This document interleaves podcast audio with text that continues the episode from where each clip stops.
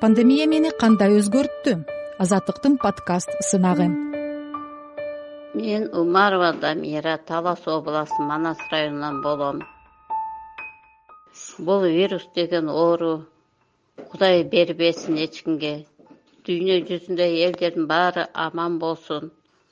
Неберем экөөбүз үйдө отурабыз.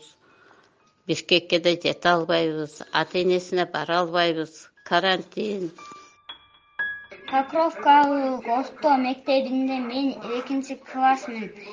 Эң жакшы баалар менен деген баалар менен мен бүткөнмүн атым ариет. Мен мурунку мурунда заманында мен болсо школдо окуучумун азыр болсо онлайн менен окуйм. Мурунда балдар менен эшикте ойночумун азыр короодо ойноймун мурунку заман келгенин каалаймын эл журт тынчтык берсин. Атам апам келсин. Азыр мен чолпонмун колунда отурам. Мен мектепте эжекемди классташтарымды сагындым эл журтумду вирус каптап кетти.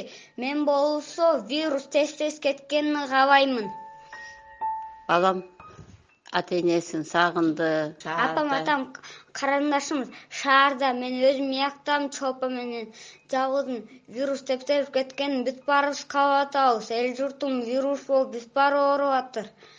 Вирус тез тез кетсин аман эсен калайлык бүт баарыбыз жашообуз мурункудай болсо экен деп күнүгө кудайдан жалынып сураймын. Алыста балдарым бар алар да аман болсо экен эл жерине келсе экен дейм. Айланып кетейин кудай жакшылык берсе экен.